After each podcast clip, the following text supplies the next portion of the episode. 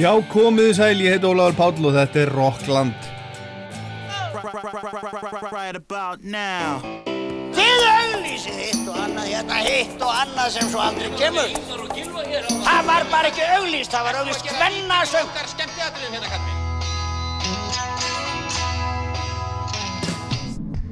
Hvað gerir kvöld? Kíkja á tónleikana? Ekki? Það er ekki beint fyrir mig að vera innan með einhverja brjála úlinga. Hvað minnur þau?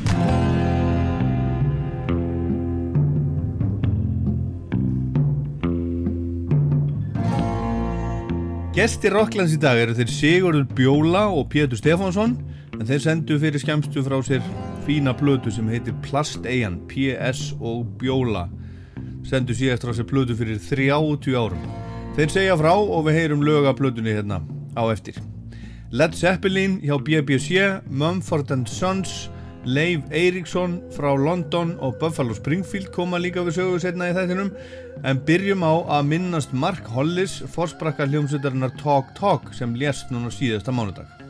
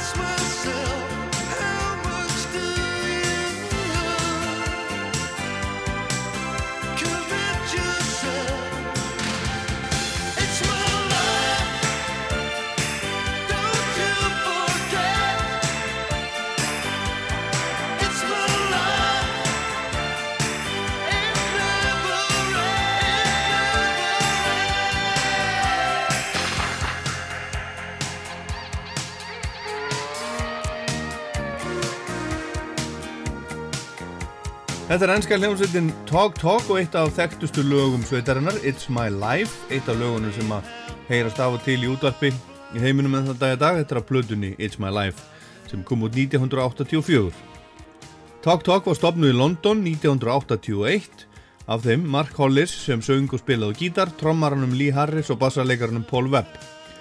Sveitin vakti fljótlega aðtegli með syndadrifnu poppinu og, og myndi til að byrja með eða var líkt við Duran Duran en setna tók við meiri tilruna mennska og, og í raun allt öðruvísi músík. Og núna í vikunni barst svo tilkynning að söngvarinn aðalmaðurinn Mark Hollis var í látin 64 ára aldri. Ég veit reynilega ekki hvað dróðan til dauða en það hefur bara verið sagt að hann hefur látist eftir skamvin veikindi. Hollis er aðalmaðurinn á bakviðsmelli eins og It's My Life Today, Such a Shame, Talk Talk Life's What You Make It og fleiri og svo tímamóta plötuna frábæru Spirit of Eden sem kom út 1988 næst síðasta plata. Talk Talk Mark Hollis hafði á það orð á sér að vera erfiður í samstarfi eða fylgin sér hvaða augum sem hann kjósa að líta á það en það er á hreinu að hann neitaði oft að fylgja reglum markaðarins og gera eins og flestir myndu gera vildi ekki láta segja sig fyrir verkum og á endanum fyrir 20 árum síðan sagði hann skil yfir tónlistina alfarið í þeim tilgangi að einbetta sér að fjölskyldunni sinni. Hann sendi frá sig fyrst og einu soloplötuna 1998, plötuna Mark Hollis, en eftir að hann hafði fyllt henni eftir með tónleikaferð, þá ákvaði hann að láta sig hverfa alfarið út sviðsljósinu og sagði í viðtali að það mætti vel vera að öðrum gengi vel að láta það ganga upp að vera bæði góðir fjölskyldumenn og, og feður og túrandi tónlistamenn en í hans tilfelli þá bara gengi það ekki upp og hann valdi fjölskylduna fram með tónlistina. Bassarleikari Tók Tók let hafa eftir sér á dögunum að hann væri í hálgjöru sjokki eftir að hafa heyrt þessar fréttir og mjög sorgmætur. Það hefur verið forréttindi og heiður að vera í hljómsveit með honum. Þeir hafðu ekki hist í nokkuð mörg ár en hann eins og margir aðrir hafi verið undir tónlistarlegum áhrifum frá Mark Hollis. Síðustu daga hafa verið að byrtast á netinu minningarorðum Hollis, til dæmis frá hljómsveitum eins og Broken Social Scene, The The, Doves, Manson og Elbow sem allar hafa sótt innblástur og áhrif til Mark Hollis og Talk Talk. Platan Spirit of Eden stendur uppi sem mistaraverk þessara hljómsveitar, Talk Talk, sex laga breyðskífa sem að þótti skrítin á sínu tíma þegar hún kom út. Hún seldist ekki vel, þar eru engi smellir, en Mark Hollis sagði á þeim tíma 1988 að platan væri ansvar við músíkinni sem var hvað vinsalust á, sem að væri að megnu til rustl. Og hann sagði að ef að Spirit of Eden hefði komið út 20 árum fyrr þá hefði henni verið hampað sem mistaraverki en það var ekki gert þegar hún kom út og plötu útgáfan EMI var ekki hrifin vekt til orða tekið. Lögin voru all löng og það var ekki þarna sem hægt var að spila í útarpi. Og það endaði þannig að EMI fór í mál við hljómsveitina og losaði sig síðan við hana, eins og hvert annað rusl. En tíminn hefur heldur betur unnið með Spirit of Eden og í dag þykir hún mikið meistaraverk eina fyrirmyndum post-rocksins sem kom fram nokkrum árum síðar og Holly sagði á sínu tíma þegar, þegar platan kom út að hún væri gerð undir áhrifum frá fólki eins og Miles Davis, John Coltrane, Bela Bartók og Claude Debussy, hvorki meirinni minna. Og Holly sagði einhvern tíman í viðtali að fólk þyrti virkilega að hlusta á Spirit of Eden með aðtigli og hann sagði líka að maður ætti aldrei að nota tónlist sem svona bakgrunn, bakgrunns tónlist, það var í móðgun við tónlistina. Og við skulum hlusta saman á eitt af lögunum af Spirit of Eden, virkilega hlusta, ég hveti ykkur til að hækka, þetta er talsverð snild, virkilega flott og hljómar alls ekki eins og þetta sé eitthvað 80s pop, en það er þetta ekkert pop, þetta er annað og miklu, miklu meira. Lægið heitir Eden og er nummer 2 á alliðinni á plötunni.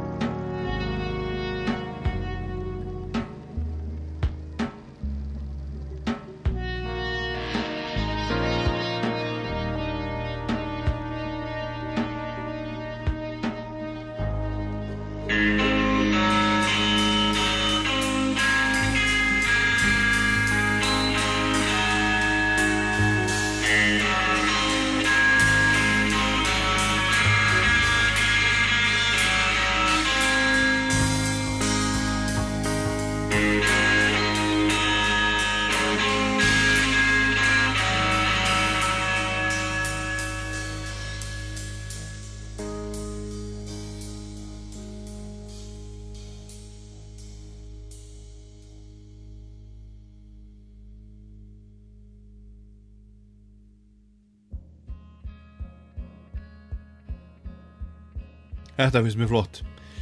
Eden, Talk Talk Mark Hollis látin 64 ára gammal fórsprakkið þessarar merku hljómsveitar frá London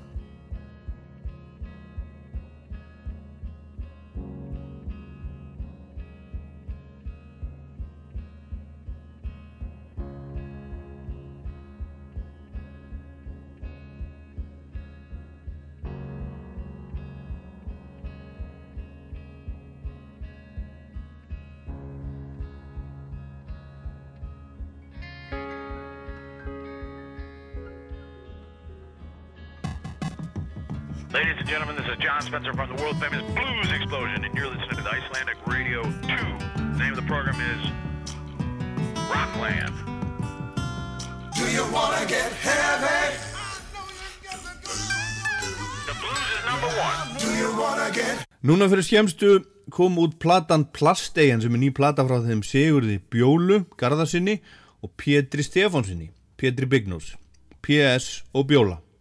Báðir hafa þeir látið talsvert fyrir sér fara í músiklífi landans undanfanna áratví, Pétur með PS og K til dæmis, en Bjólan með, með stuðmönnum á uppástögum vinsalda þeirra en hann var leikilmaður á Sumri á Sílandi og, og Tífóli, tveimur fyrstu stuðmannarplötunum og svo í spilverki Þjóðana líka. Og þeir eru gestir Rocklands í dag, PS og Bjóla og áður en við heyrum í þeim, þá skulum við heyra stutt tóndæmi frá þeim úr fortíðinni. Byrjum á PS, PS og K.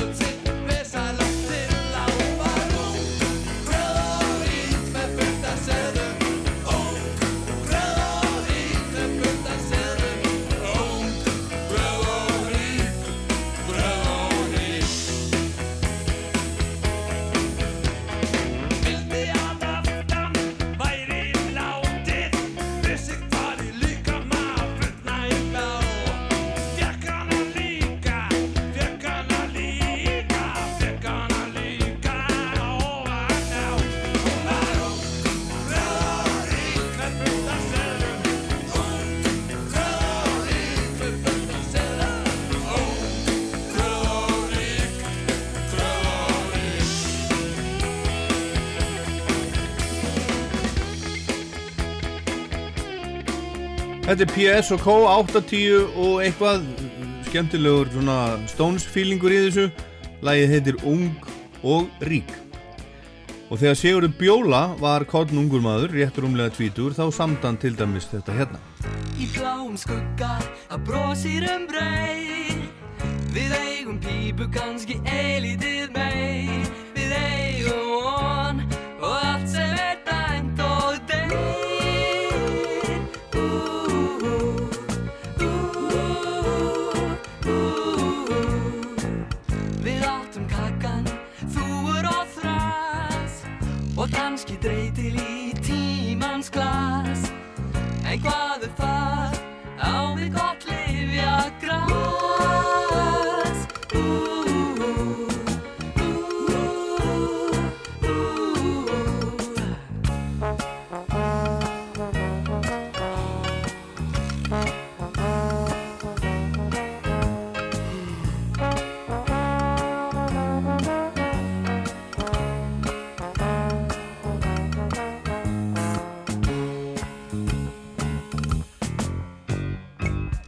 Þegar voru kemur á greik þá tekið flug.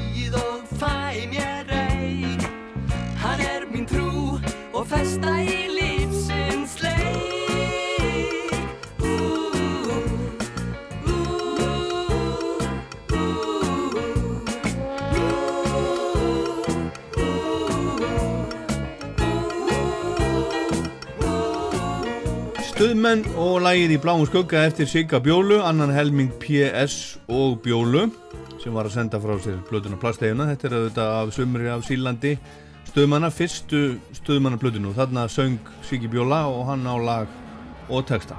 En Plastegan, hún byrjar á þessu lagi hérna sem heitir Faðmlag Guðana.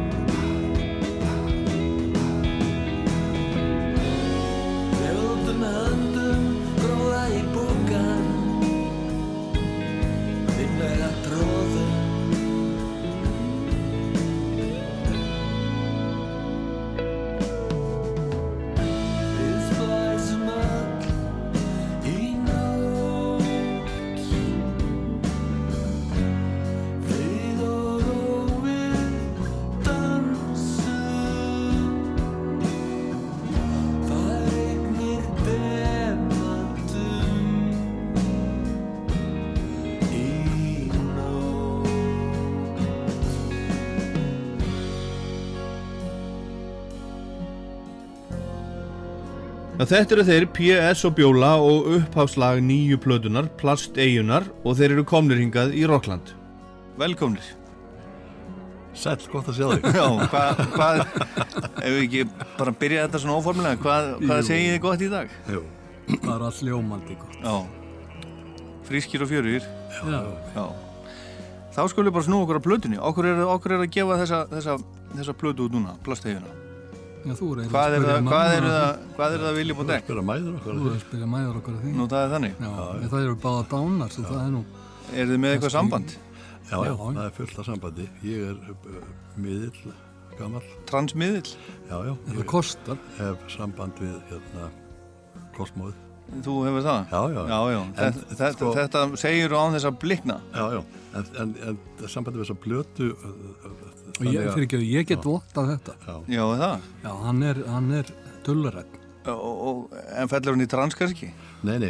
Ekki það, beint, Það er búið. Veist, það er eitthvað svona tilvistastig sem að maður gengur í gegnum. Já, en síðan lærir maður að lifa með því en það sem ég ætla að segja varandi þessi plötu er það að, og mæður okkar er það að stutt eftir að við byrjuðum að, byrjuðum að, að, að vinna í þessari plötu og þá fellur frá móðu mín og, og e- eftir svona hvað, eitt, tvö ár þá fellur móðu þín frá Sigurður Eitthvað þannig Já, það var einhvern veginn svolítið Þannig að, að hérna, við, á akkur stíði ferðinar sem við ættum kannski bara að stýra eh, hérna, til einhvað mæðrum okkar að þessa plötu. já þið gerðu það. Já, svona okkar á milli. Hérmur, Já, en, en það er ekki skrifað í Nei, umstæðin. nei, þetta er bara, við erum vinir og hérna, þetta hefur verið þroskandi vi- vinna samstarf Já, og maður er ekkert að tala um mömmu sína í útvarpi, skilum. jú, jú, maður má alveg gera það.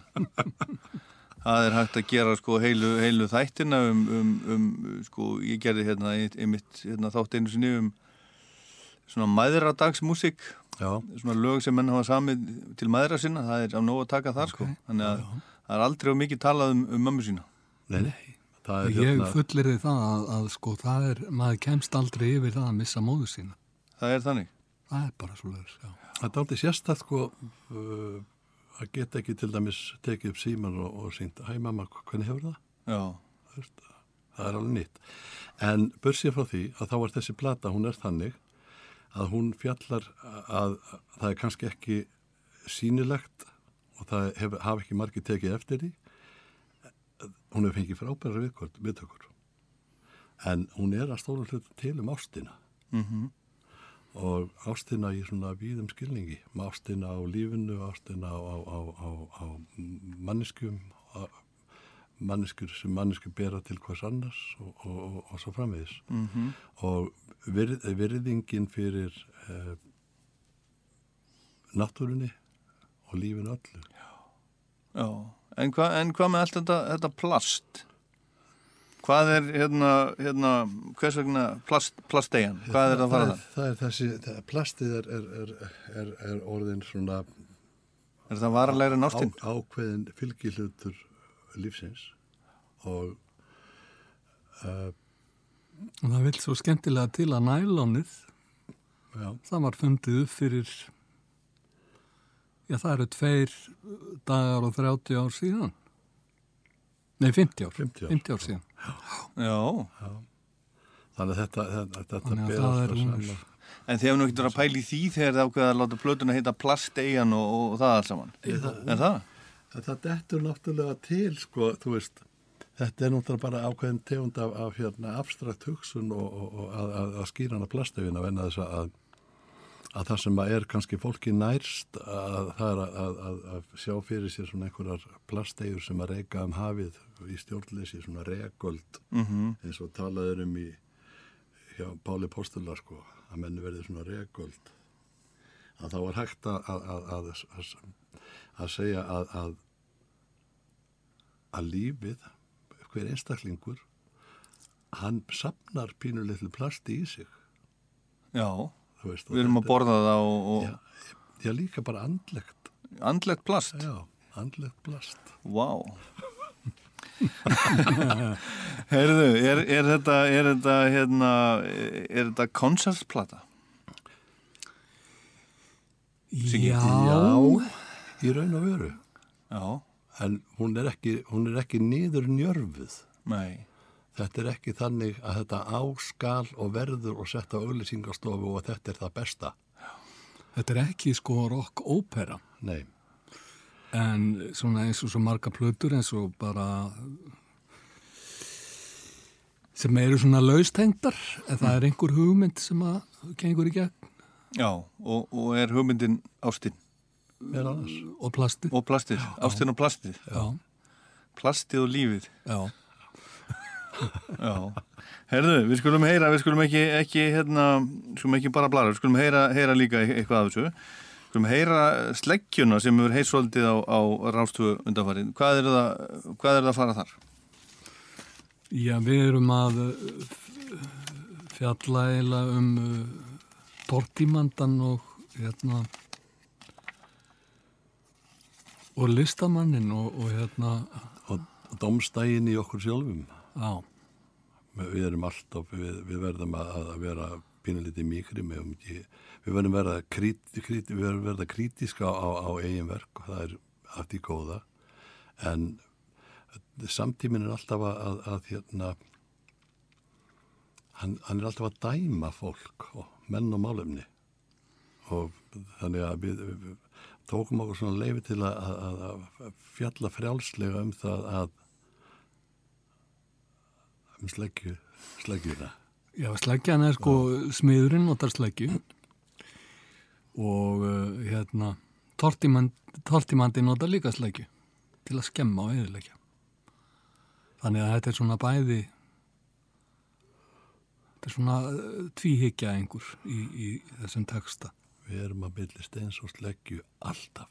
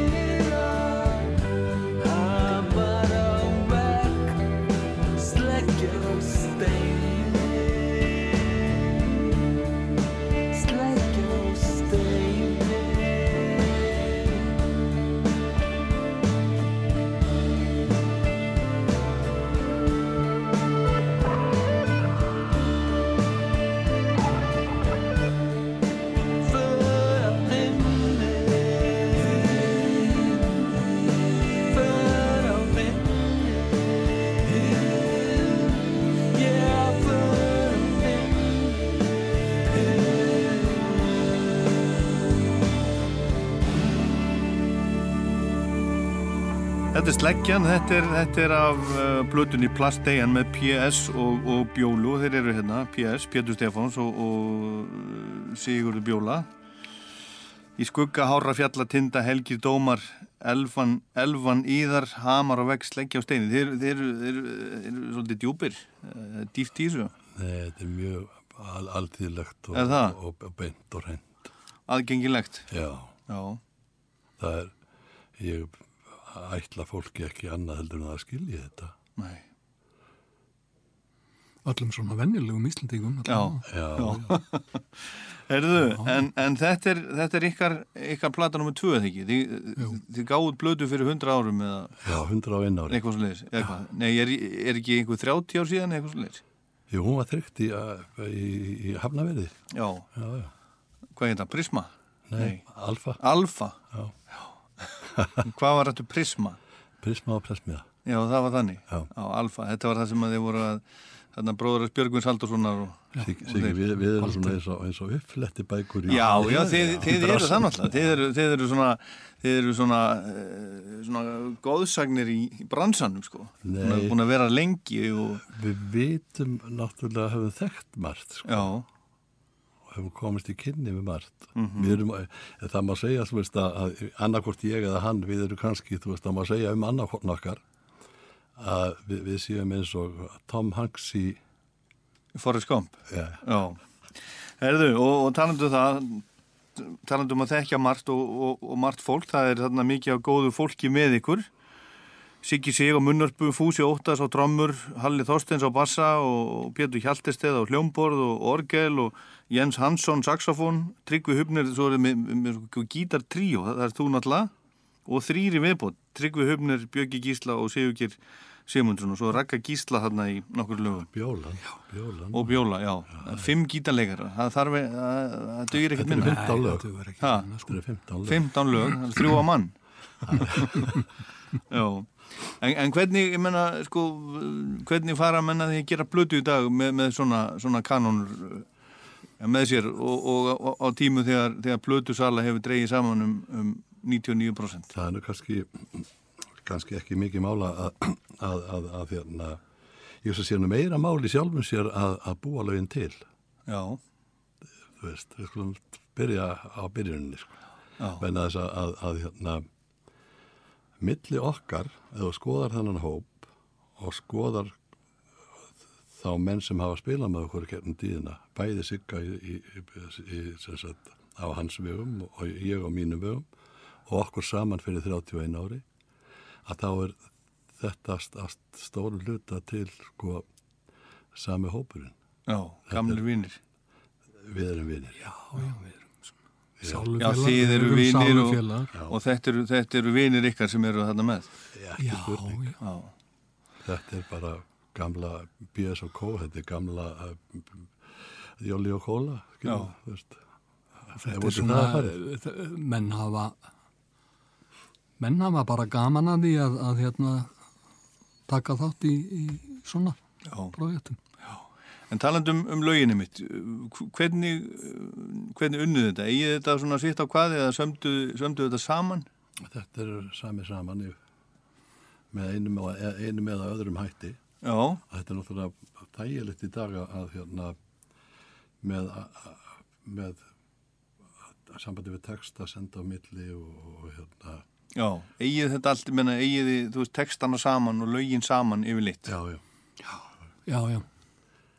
En það er, sko, þetta er náttúrulega það er svona allur gangur á því hvernig þetta verður til. Stundum kemur annar með e- e- einhverja smá hugmynd, sko, sem að verður svo lag. Já, Tekstarnir eru mjög margir bara til svona í mill okkar. Já, í sófanum. Svona eins og við værum að búa til texta núna. Ef Já. við tækjum hennan, hennan út af stað. Já, við erum að búa til texta. Já, og Já. gerðum hann að poplagi Já. eða, eða, eða rocklagi, skil. Já.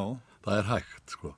Ef menn eru svona sæmilega talandi skáld, að þá er þetta, þá er þetta að gera kraftaverk ef að svipur undir. Ég, ég hérna, býst, má bara búast á við því að það verði aukalag eh, hérna bara á Spotify útgáfunni sem verður tilbúið eftir kannski viku hálfa mánu sem heitir Rockland. Já. Það bara var í okkur ljúft að, að hérna, Á Rockland kannski heima á, á plasteginni. Rockland er í plastiðinni, já, já. Þetta, við erum öll á sama báti, Óli minn. Já. Það er bara þannig. Herðu, Mammons haf. Hvernig er Ragga Gísla með? Hvað eru það, eru það að fara þar? Í upphafi var plastið og plastið var hjá, hjá Guði og, og, og Guði með litlu G. það er allt, það er engin stór G í textunum. Nei. Er er. En er þetta Guð með stóra G-nu? Eða, eða er, er, þetta, er bara einhver?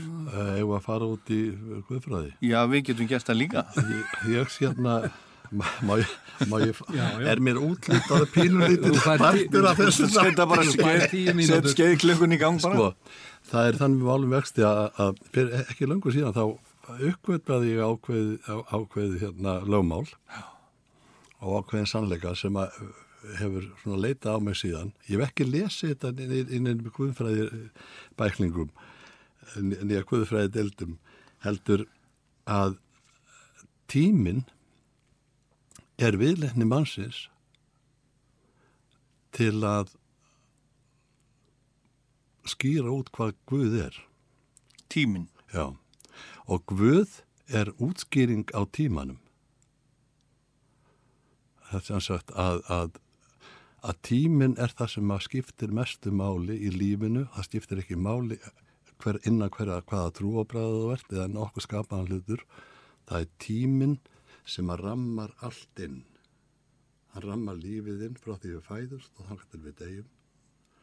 Og hann rammar jarlífið inn í vetur, sumar, vor og haust og hann er í eðlisínu mest, mest í skapandi þáttur tilverunar.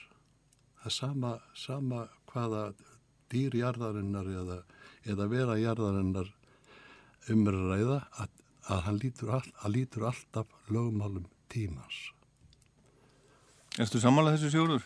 Ég er nú bara að fá í sveita maður. Ég, Ha, hérna, þú, já, við þurfum að hugsa þetta kannski Við aðeins. þurfum aðeins að Þurfum hugsa sofa, sofa á þessu. En, en hérna, en, en lægi Mammas haf. Það, það okkur þykir báði mjög vænt um það lag. Er það ekki ekki? Jú, mér þykir mjög vant. Að að gaman að semja það og hérna, Það var til á eftir mitt degi, svona, flyðrugrandanum. já, svona millir 2 og 4 Já, hérna, lag og texti. Já, eða sko, kannski ekki endanlegu texti, en svona nokkuð með. bara fílið og grúfið og hvert vist vildum fara með textan sko. Já, þú veist að það er þannig að það var bara tíminn sem að og þetta er eitt af, eitt af þessum lögum, sko, þar sem að það kom engin svona kveikja. Það var bara til, já, Kom bara. kom bara. Mammans haf, heyrum það. Í upphafi var plastið og plastið var hjá Guði. Ringlulitu flaska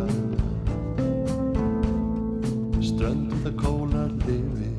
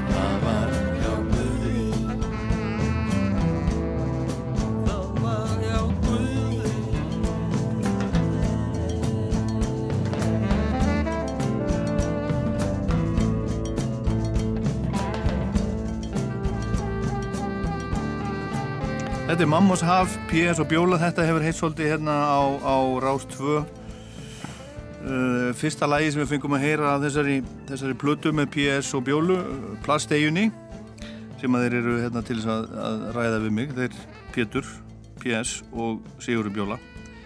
Kannski aðeins hérna, uh, Siggi, ég hef kannski einhvern tímann heyrt það en ég hef búin að, búin að gleyma því. Okkur, okkur Sigurður Bjóla?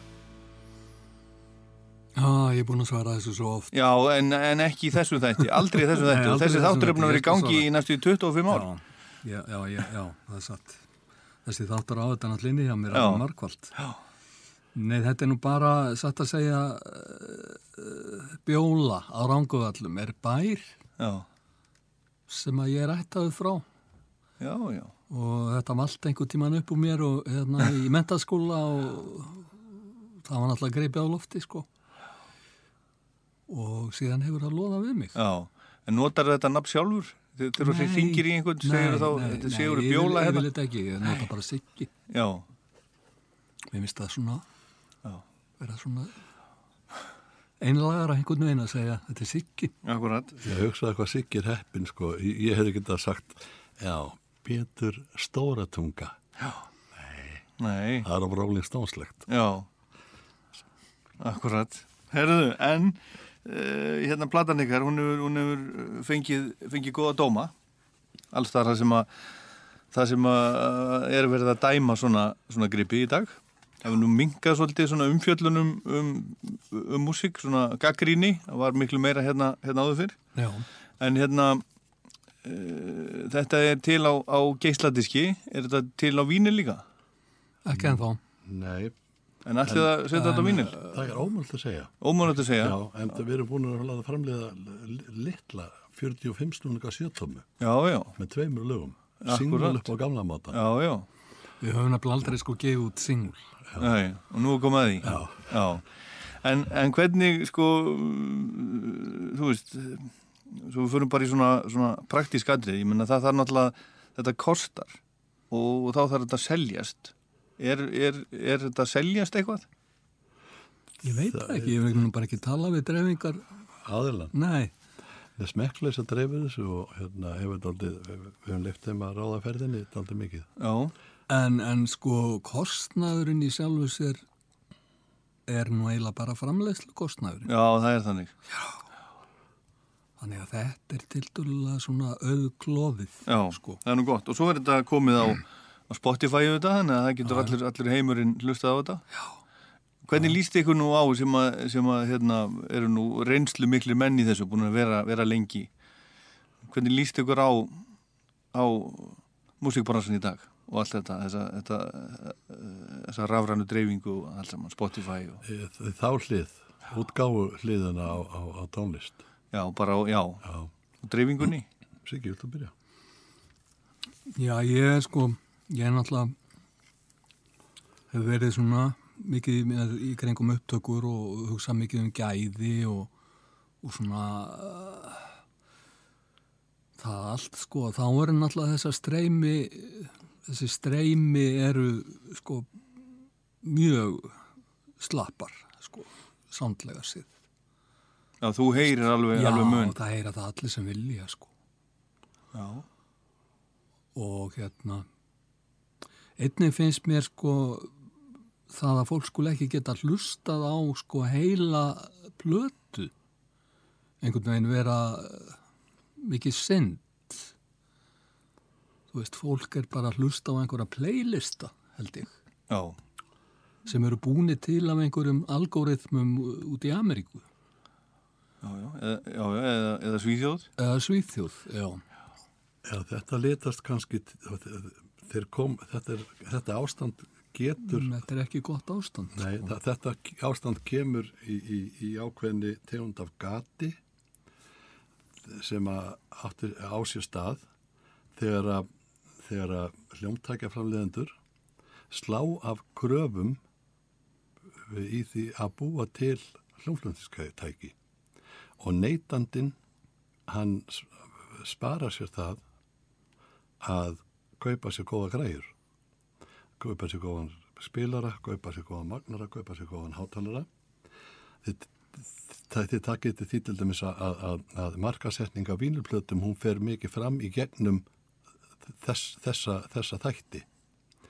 Og en sko það sem að þegar setjadiskunum kom fyrst þá þurftur bara að kaupa þér eitt spilara og setja hann inn í samstæðu þá var voru til betri magnarar eða fleiri magnarar og það var öðruvísi svona line-upið á heimilum en það sem tekur við eru kannski svona fjölnota unit með útvarp teip og flestir eru nú bara með síma sko Já. Þetta fer allt fram í símónum í dag. og, þrá, og þrálaus hátalara Og, Já, það, það er út af því að, að, að, að, að þetta dettur inn í það og við þessum sko litlu uh, viðtækjum með, með geisladrifum í kemur sem sagt niðurhalið þegar menn voru að stela músík sem að ég upplýði alltaf bara eins og að reykja stuppa skiljiði. Hver hlustar á, á músík sem er 128k í eirnatólu? Þú veist. Það er, alveg, það er, það er bara fullt af fólki sem að gera þetta. Og nú er þetta, og nú er þetta sko, sko geislaspilarar er ekki eins og í nýjum bílum í dag. Nei, nei. og, og hérna það, það er, ég bara það er ekkit geislaspilar á öllum heimilum í dag, alls ekki það er, fólk er bara búið að henda þessu og gefa þetta eða, eða eitthvað og, og svona, svona stór og dýr hljómflutnistæki eins og þeir eru að selja til dæmis í hljómsín og heimilistækjum og svona það er bara einn og einn nöttari sem mann ennir að eiga svona, að vera með eitthvað alltari í stofunni Það er alveg jafn gott að vera með, með, með geisladrif og, og, og, trukka. Það, er alveg þrjumur sánd. Trukka? Trukka í kernum góða græjur. Já, já. Það er alveg potið. En sko, fólk er að tónlistin, spara. sko tónlistin, það er búið að gjaldfella músikina svo mikið tónlistin einhvern veginn sko hún uh, pupullin, hann lítur ekki að músikina sem eh, einhvern alvarlegan miðil sem er þess virði að sitast niður og virkilega speklir í og, og gefa sér tíma í að hlusta á Já, kannski. Ég, ég held samt að það hefur aldrei verið eins mikið hlust á músík eins og í dag. Já, það er en- miklu en betra aðgengi, ég það er allir. það? Já, það er bara svona eins og bara... Á hlaupum einhvers staðar, Já, ég heyrnartólum? ég veit ekki, ég, ég vil nú trúa því að það séu sko alltaf svona álíka háprósenda sem að hefur virkilegan áhuga á músík og flestir sko ef við hugsum, hugsum áratug eftir í tíman þegar allir voru bara þegar sagt, fyrir geisladiskinn og svona þá á flestum heimilum voru til mjög ódýra græjur og, og einhverjar svona top of the pops plötur og eitthvað dót sko. Ég held að sé að þetta er hárið Þannig að ég held að þetta sé ekkert, ég held að neyslu munstri sé ekkert svo mikið öðruvísi en núna bara hefur miklu betra aðgengi að þessu, þú getur hlusta þegar þið sýnist, Já. Þú ert með þetta í símanuðinum og einhvern veginn gæðin eru bara nógu góð til þess að, að svona flestir eru bara nokkuð sáttir sko. Já, svo er Bluetooth, það er í bílum líka og Já, allavega, já. sko. Þannig, að- þannig að fólk er að, að hlusta meira á tónlist og það er kannski það sem eh, skemmtilegast er að, að frá því að við vorum strákar við Sigga þá hérna hefur orðið mikil framþróun í, í það er komið svo rosalega gott mikið af flottu tónlistafólki Mhm. En sem að hérna sem að hefur alla burði í það að gera alveg frábæra hluti. Og það er einmitt sko það er kannski sá vettfangur sem að maður hefur kannski svona þú veist þe- þegar maður gerir svona plöti sem að er, er, er, er sem við höfum lagt mikið í og þá langar manni til að, að að ná til sem flestra. Þú veist, ég ætla ekki að fara, fara að neyta því að, og það er eiginlega alveg nöðsulegt að, að, að ná til sem breyðasta hóps. Mhm. uh, og með því að hafa sem sagt, reyna að halda standardinum uppi sem að ég, ég vona að okkar hefði tekist ég ætla nú ekki að, að, hérna, að fara að hóla, hóla, hæla okkur alveg já, mikið. Nei, það eru aðrir- eru aðrir í því. já, já, en þannig að, að, hérna, að þetta er bara gaman. Gaman að, ge að, að, að gefa að þjóðinni tónlist Mhm. þú veist, Ég held að þetta þurfi að, að hérna, það þarf að sinna þessu í skóla, skólakerfinu. Það þarf að taka sko bara strax sex ára krílin og, og byrja að spila fyrir þau tónlist og útskýra þetta fyrir þeim og, og hvað þetta sé. Já, ég held einmitt að hérna- krakkar hafa aldrei hlusta meira á en í dag. Nei. Af því að þeir eru stanslust með þetta, ég á einn átt ára strák sko og hann er bara stanslust að hlusta Hvað er, hann, hvað er hann að hlusta á? Hann er að hlusta á eitthvað sem ég nenni ekkit endilega að hlusta á en, en hann er að hlusta á músík. Alveg, alveg á fullu og, og það var einmitt bara núna í vikunni, þá var svona, svona morgun skemmtun í skólanum hans, í Íþróttahúsinu Já. á Akranesi það sem ég var heima og þar var einmitt, voru, voru krakkarnir að syngja og dansa og hann var með sér að, hann var að spila á bassa. Flott. Hann var látið að spila á bassa. Já. Þetta er allt, þetta er, þetta er allt, Þetta er allt í allt- góðu. þetta er allt á réttri leið. The kids are all right, eins og þeir sögðu hérna. Herðu, en hérna, næsta lag, svo við blöðum nú ekki frá okkur allt við, alltaf ástin. En augna blik, við höldum áfram með P.S. og Bjólu hérna í setjum hluta þáttarins, rétt á eftir. Það er ekki langt.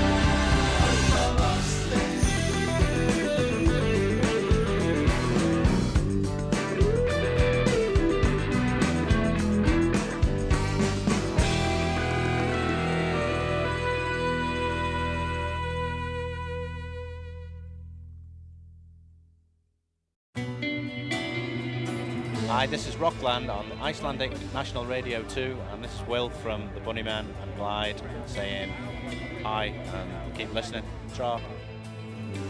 Þetta er Rockland á Rástöðu, gestið þáttarins í dag eru þeir Siggi Bjóla og Pétur Stefánsson, PS og Bjóla sem voru að senda frá sér plötuna Plasteiguna og við vorum komin hingað áðan þegar við kvötuð á.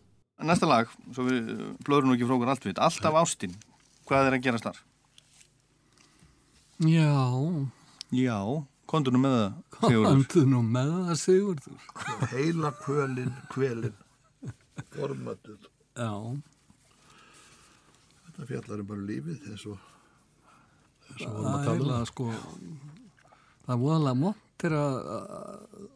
þegar maður er spurður um hvað lögin séu. Já, Af því þetta að er, hérna- er ekki með textan hérna, Óli minn? Jú, á ég bara, á ég bara að lesa hann. Þetta er, Lestu, lestu fyrstu fjóra línunar. Að það er svo erfitt einhvern veginn að segja eins og með þetta lag, um hvað þetta lag er.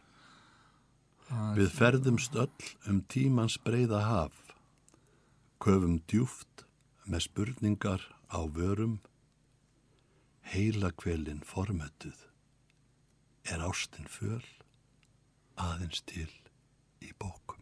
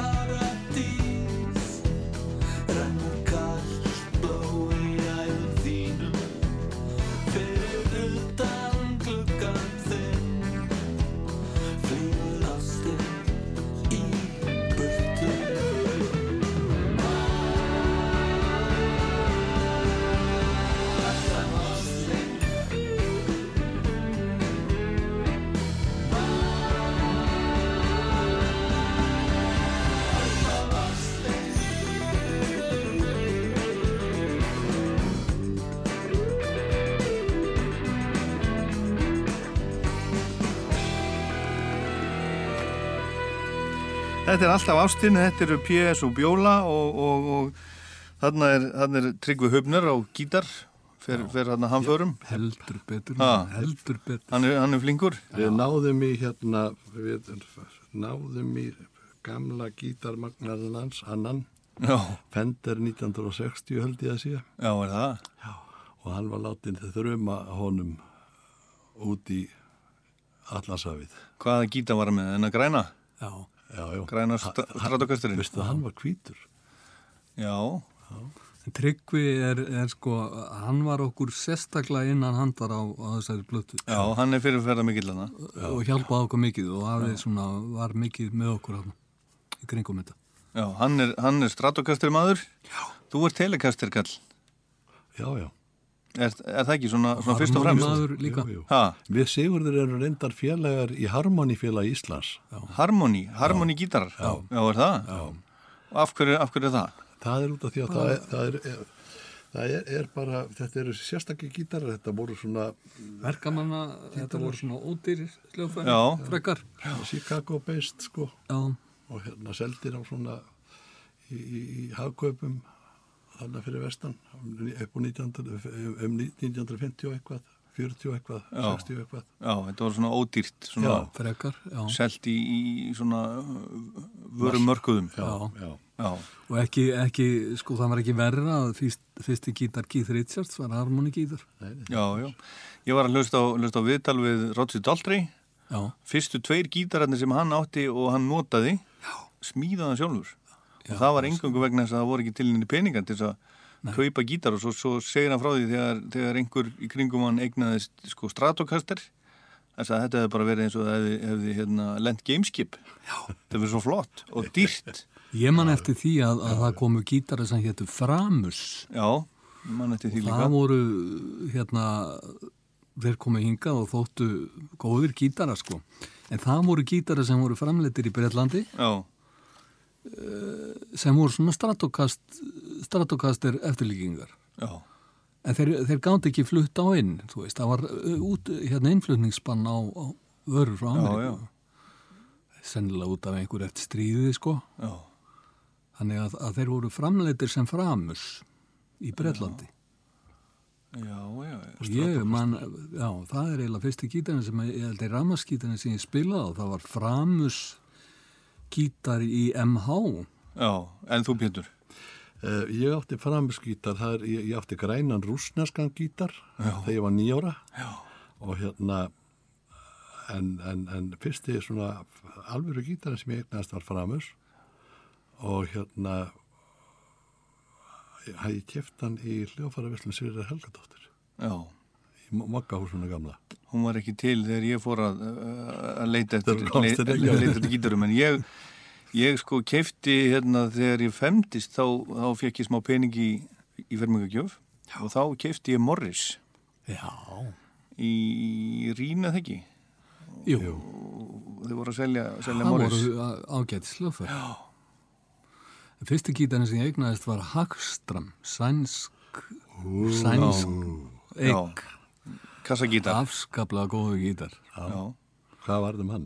Ég ánafnaðan litlarhaunni og föngum til ánægju. Já, það er merkilegt Þetta er þess að ég er búin að tálgórun um tannstöngla Já, hann, hann gatt staðið sjálfur. Já, Það er mjög, sko, yfirleitt þetta það verður svona ofurgítar var það með Þetta svona var Svona yfir ná, náttúrulega kvarta, eh, krafta segi ég. Herru Strókar, hérna, uh, hvar, hvar tóku þetta upp? Ert þú með stúdíu heima hjá þess ekki? Já, stúdíó á stúdíó, það, það er svona bara aðstæð. Já, tó, tóku þetta upp á mestuleiti þar kannski? Allt. Nú þetta er allt tekið upp Já, á, á stokkseyri já, já, bara í stofunni og, og svona. Já, já. Já, já. og kallar þetta eitthvað, stúdíu stokkseyri? Ha, örbylgistöðin, Örbylgistöðin, gamla örbylgistöðin og gott, er gott örbylgisamband annað? Já, það er afskaplega gott. Beintengdir við? Bein tengdir við allasafið Já. og, og hérna, Suður, suður, suður í höf já, söður í höf. Herðu, en þetta er, þetta er 15 laga plata, plastiðin er 15 laga plata. Uh, liggur, eða lág ykkur svona mi mikið á hjarta? Já, Það voru mörg sem komist ekki að Það er þannig. Já, já Þetta er það, það er aldrei gaman sko, þú veist að, að hérna vinna með svona góðum lagasmið eins og, eins og Sigurði sko. það er hérna og ekkert mér finnst ég vera hérna betri maður eftir það Já. hérna, En þú hafði náttúrulega reynslu, þú, þú hefur... já, já, já, já en, en sko það er, það, það er meðal annars sko fyrst og fremst maðurinn sjálfur þetta er, þetta er, þessi plata er á stórum hluta bara ást líka á milli okkar Já, það er bara þannig ég, ég, þetta er Skilningur á milli Já, okkar, sko. skilningur. Já. Það, maður þarf að leggja, maður þarf að leggja sko ákveð, ákveð, ákveð að vogaskálunar til þess að, að, að, að, að ná fram sko því besta hjá manni sjálfum, besta hjá þeim sem er maður að vinna á móti. Já, til þess að geta sko gengið inn í þennan helga lund sem að músikin er, þessi músik er. Já, já. þá þarf maður að, að maður þarf svolítið að afklæðast. Þú veist, maður verður að vera svolítið berskjaldaður og það er alltaf það er svolítið erfitt þú veist, það er svona uh, maður verður svo viðkvæmur sko, það, það kostar það. Og, en maður verður næmur einhvern veginn ef maður þarf að, að hérna, Já, þetta eigur, eigur, bara mann, þetta er, þetta, er, þetta er mjög gott fyrir mannleg samskipti eins og það kalla, sko. Já. Þú veist. Þannig að Við, gerum ekki svo mikið í lífinu, þú veist, að- að- að að- að vinna skapandi vinnu. Nei. Og á mest er þetta vinnustöðum, yfir, yfirbors Já, þetta er Það er mikið yfirborð í gangi. mikið yfirborðinu sko það, það er það, sko. Til dæmis og eins og við, við, við droppuðum aðeins inn á skólakerfið á það, Mhm. Að skólakerfið, sko, það er þannig, það er algjörlega bregða stórum hluta að nefnda sinna vegna þess að, að ef við gerum nátt fyrir því að, að, að aðalnámskrá hún eigi að, skapa rými öllum jafnræði til náms og, og, og hérna, gera öllum jafn háttundur höfði að þá er þetta með því að taka svona tónlistakenslu út þá einfallega gerist það að það eru sömur sem að eiga fyrir tónlistakenslu, fóreldrar sem geta borgað fyrir börnum sína í, í, í tíma, enga tíma en það er til fátt að fólk á Íslandi sem Mhm. á ekki fyrir tímanum Mhm. þannig að það, mér finnst það taldið umherssona verðt þess að, að, að, að, að tónlist hún er bara svo mikilvægt skapandi afl sem að við okkur bera virða í samfélaginu Get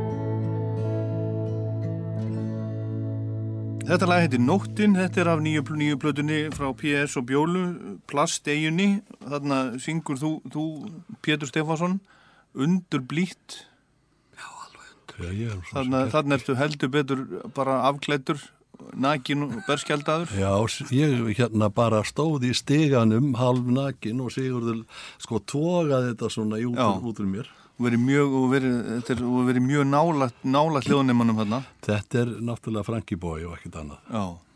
Sko við vorum búin að, að, að hérna, reyna að taka þetta upp með trommum og, og allavegana sko tilfæringum en svo settist við bara niður með tryggva hupnar og gerum þetta bara live þetta er bara live söngurinn er live og ég held að hann var ekkert lagar Já, það? Nei, hann var bara svona Já, já. Syngur alveg svo engill. alveg eins og engi Takk fyrir Það kemur hérna önnur, önnur rödsöldið. Þetta er svona eh, mjúki Pétur. Ég hef, uh, margar hliðar. í- Margar hliðar, já. En, en talandi um þetta, þetta nána samstarf og svona, þið gerðu blötu fyrir, hvað þið, 31 ári? Já. Fannst ykkur auðveldara að vinna saman núna? Þeir, þeir, þeir eru svona reynslu meiri og eldri menn? Þetta er miklu þetta er, þessi plata nýja er, er miklu svona þetta, var miklu nánara samstarf heldur en, en hinplatan var Já.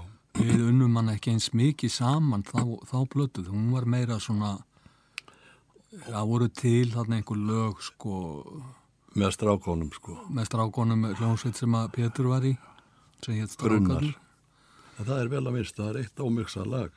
Það er eitt Já, eftir. Björgvin Gíslason sem að fór ekki að þá blötu nætt að vera þar. já, Bæti minni við þegar við gefum hann út aftur. já. Já. Það er nú eiginlega alveg munurinn sko að, Já. að hérna þetta, þetta er miklu nánara samstarf og, og, og svona En er einhver svona, er einhver, er einhver plata sem að var svona fyrirmynd, af því að það er oft hannig þegar menn, menn fara í stúdíu og þá eru með einhverja svona, svona referensa, ekki, ekki hjá mér Nei, nei, nei held, þetta er bara, þú veist, vinslu aðferðin, sko,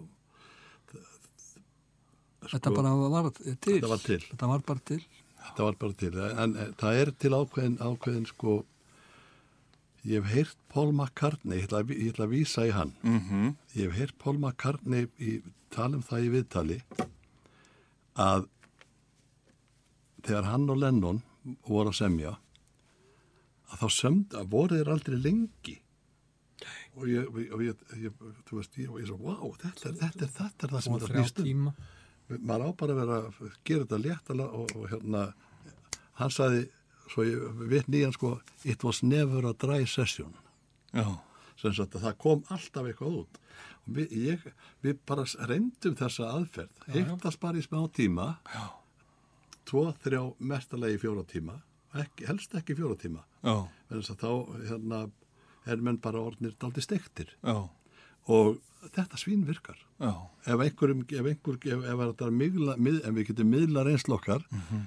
til einhvers sem að er í sömu spórum og við eða á eftir að lenda í því að þurfa að, að vera í því að búa til lög að ekki, ekki ofgera Nei, vera bara, vera bara stutt. Já. Stutt. Já, það er alveg eins gott að, að, að, að semja lag á, á klukkutíma eins og að vera hanga yfir því í marga daga Já. Það verður ofta, oftast miklu betra sko, það, það sem er gert steytri tíma. Já, það, það er síðan þegar sem við kláruðum þessa plötu til dæmis hef ég haft á vinnuröklega grípi gítar. Og taka, spila inn og finna bara hvernig gítarinn er skilur hvað er í gangi, hvernig ég er hvernig líður mér. Já. Og inn á símaðinn? já, hvað, já, hvað kemur, já, hvað kemur hvað kemur úr gítarinn núna. Já. og oftar en ekki þá kemur eitthvað Já. stutt Stutt. já, Þetta er magnað. tek, tek það upp og spilar það svo ekkert aftur sko. spilaði ekkert aftur hef sendt siggaði yfir litt Já. Já, já, þetta er gott. En, en hérna, er það, er það hlust á eitthvað, eitthvað sjálfur þess að dagana? Ég var aðeins að, að hérna, endur nýja kynnin við hérna, Gentle Giant Já. Er það yfirleitt einhverju svona gamlir félagar sem að, sem að þið heimsækið? Nei, uh, til dæmis nýja platan með David Crosby og, og því fólki sem er nú eiginlega sko það er nú músík sem er alveg eins eftir þau eins og hann sko Já, mér finnst hún til dæmis mjög góð og Mhm. skemmtileg músík falleg músík en þú Pétur? Já, ég, ég hef verið með Alman Brothers Allman Brothers núna Já. Já. Það er agalega fínt band. Já, það er ekki meir Alman. Brothers og Rolling Stones Já, þú veist, Alman Brothers er, er, er, er eitthvað sem að hérna svona, ég verði að hlusta eftir því, sko, hvað, mað, það er svo gaman þegar tíminn kemur inn í þetta. Hvað var það sem Erik Klafton sá í Djúan Alman Mhm. og hann reyndi að stela honum frá Alman Já, Brothers? hann var hann í derrikandi Dominus Já, já hann, hann, hann reyndi að fá hann til að vinna meira með sér. Já. Hann ætlaði bara að taka hann yfir í annað band. Sko. Já, já, og hann á, hann á Dwayne Allman, hann á, hann á, inn- hann á hérna, Leilu. hérna likki í leilu. já, í loka, lo, eða sem sagt í setni lutan Já. Á hann ekki líka, líka hérna upp á triffið? er það? Ég held það. vel Já, verið. það Já, en ég veit að Alman Brothers eru, eru svakalega fínt band. Og, Já. Svo ég heyrði líka um, um daginn hérna nýri plötu sem að Raka Gröndal er að koma með Já, sem ég leist vel á Já. og lag sem var vinsalt um daginn Milda Hjarta fannst mér gott lag Jónas Sig, Já. hann, er, hann er flottur. Þetta er flott fólk, við höfum svo mikið af flottu, flottu fólki í maður. Já. Herðu, en hérna, uh, þetta er tekið upp í, í gömlu örbylgistöðunni í Stokkseyri, Já. allir að fylgja sig eftir, allir að spila eitthvað, ofinverlega. Já, það hefur svona Hefur það komið til tals? það hefur komið til tals, já en, en það hefur ekkert verið ákveðið Nei.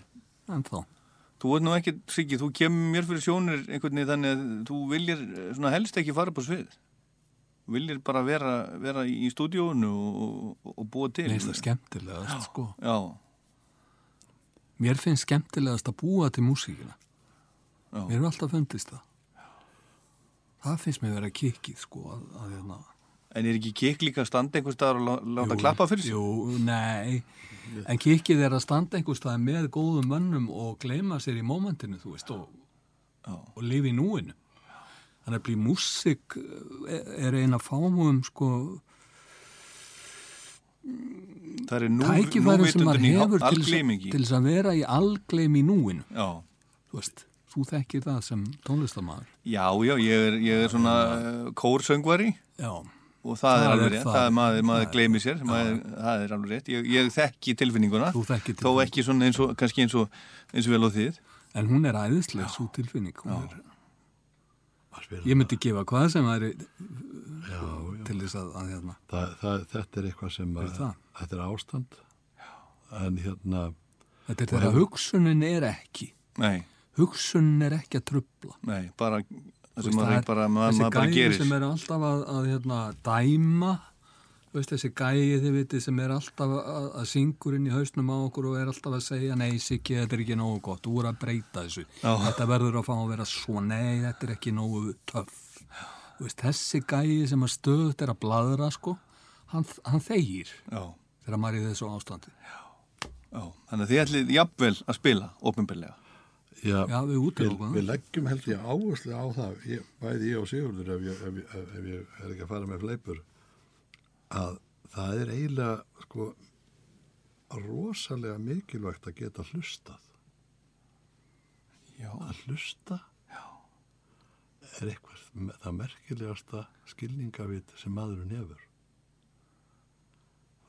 Og með það að fart, í farteskinu getur maður hansi margt. Skilið- niður og hlusta Já. á hverjum degi í, það þarf ekki að vera lengi, það getur verið nóg bara í hálftíma klukkutíma. Hlusta bara á lífið. Já. Í þögn. eiga, eiga stund með sjálfum sér. Já. Herðu, við, við ætlum að eiga hérna samt loka stund með ykkur, heyra loka lægið af blöðunni sem er, er alveg uh, ansið langt og það þegar ég hlusta á það þá, þá fekk ég í, í hausinn svona einhver, einhver hugmyndir um sko, Pink Floyd og Jimi Hendrix Já.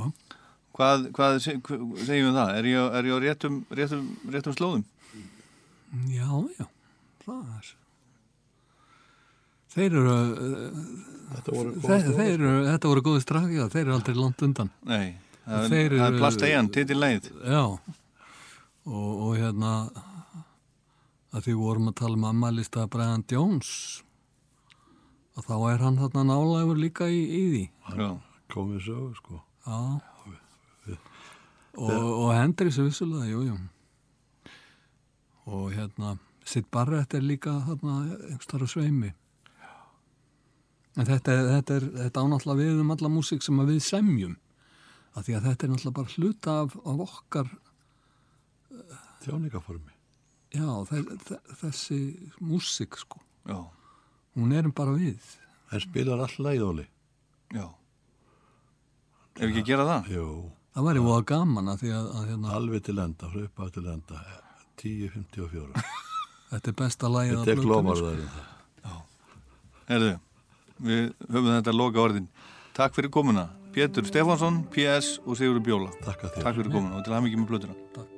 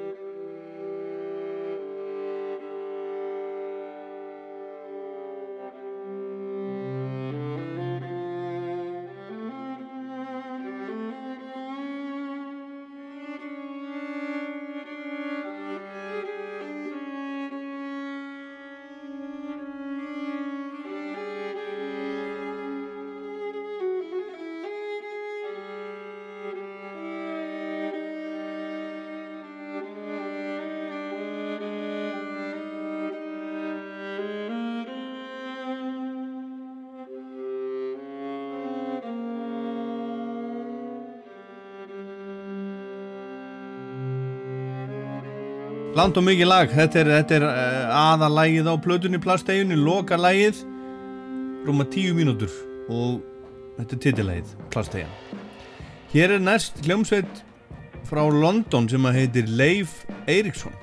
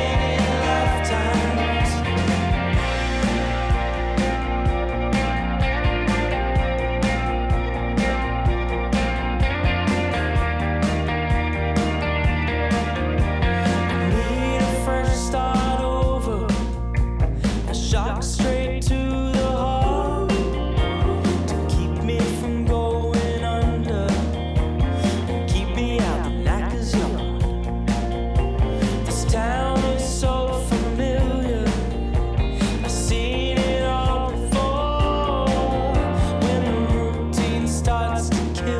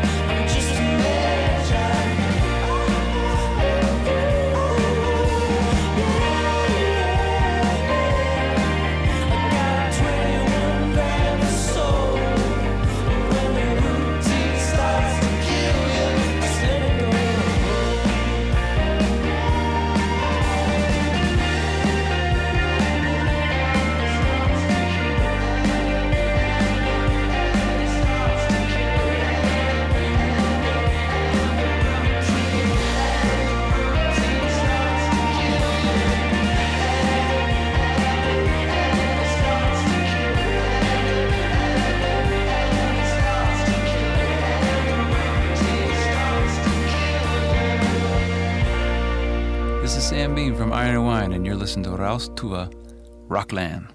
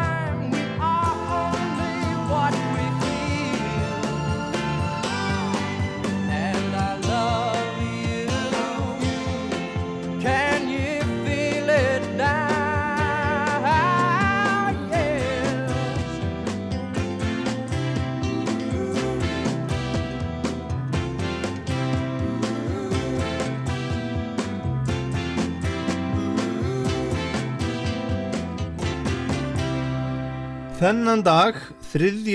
mars árið 1966, fyrir 53 árum var þessi hljómsveit sem að var að spila hérna, stopnuð í Los Angeles, í Kaliforníu í Ameríku, Buffalo Springfield og þeir sem að stopnuðu bandið voru Neil Young, Stephen Stills og Richie Fury og þetta er svona ein af e, hljómsveitunum sem að slói gegn í bandrækjunum eftir að breska innrásin gerði innrásina með Beatlánum og Stones og, og Who og, og Kings og öllum þeim sveitum, John Mayall og það allt saman og þekktasta lag Buffalo Springfield er líklega For What It's Worth eftir Stephen Stills sem að hefur notað í ótal kvikmyndir sem eiga að tólka tíðarandan og stemninguna hjá unga fólkinu ára, á sjönda áratögnum þegar unga fólki reys upp gegn Vietnamstríðinu og, ímislegu óreittlæti. Færum okkur aðeins næri tíma en samt bara þrjú ár frá 1966 en þennan dag árið 1969 fyrir halvri öld 50 árum kom Led Zeppelin í fyrsta sinn í heimsók til BBC í hljóður BBC eða í Playhouse Theatre í London til að taka upp fjögur lög fyrir þáttinn Top Gear sem var á BBC Radio 1 og lögin sem voru tekin upp voru Dazed and Confused, Communication Breakdown, You Shook Me og I Can't Quit You Babe. Free, Moody Blues og Deep Purple voru líka teknar upp fyrir þennan sama þátt. En hér er Dazed and Confused, þessar upptökur frá 1969.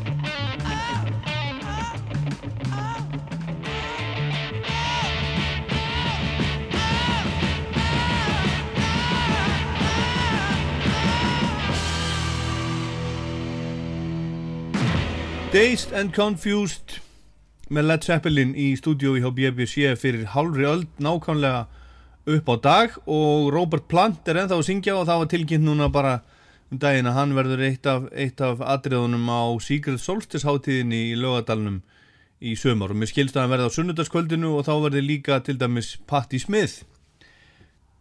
En það er komið að lokum Rocklands. Og ég ætla að enda á, á nýju lægi með með Mumford and Sons reyndar er þetta af blöðunni þeirra sem að koma út í september í fyrra. Við erum búin að heyra spila svolítið lag sem heitir Guiding Light. Nú er það að senda frá sér á, á smáskífu lag sem heitir Beloved og það er sem sagt loka lagið sem við heyrum í Rocklandi í dag. Mumford and Sons sem að spilaði á, á Æsland Ervefs í hitti fyrra í valsheimilinu. Og þar var fullt hús þó að veri brjála veður hérna á höfuborgarsvæðinu mjög eftirminnilegt, mikið vassveður en ég minni á, á Rockland á Rú.is og í spilarunum og Rockland podcast á öllum helstu podcast veitum og ég minni líka Rockland mælir með á Spotify nýr 30 laga listi í hverjum mánuði. Ég heit Ólaður Páll endum á Beloved með Mumford Sons. Takk fyrir að hlusta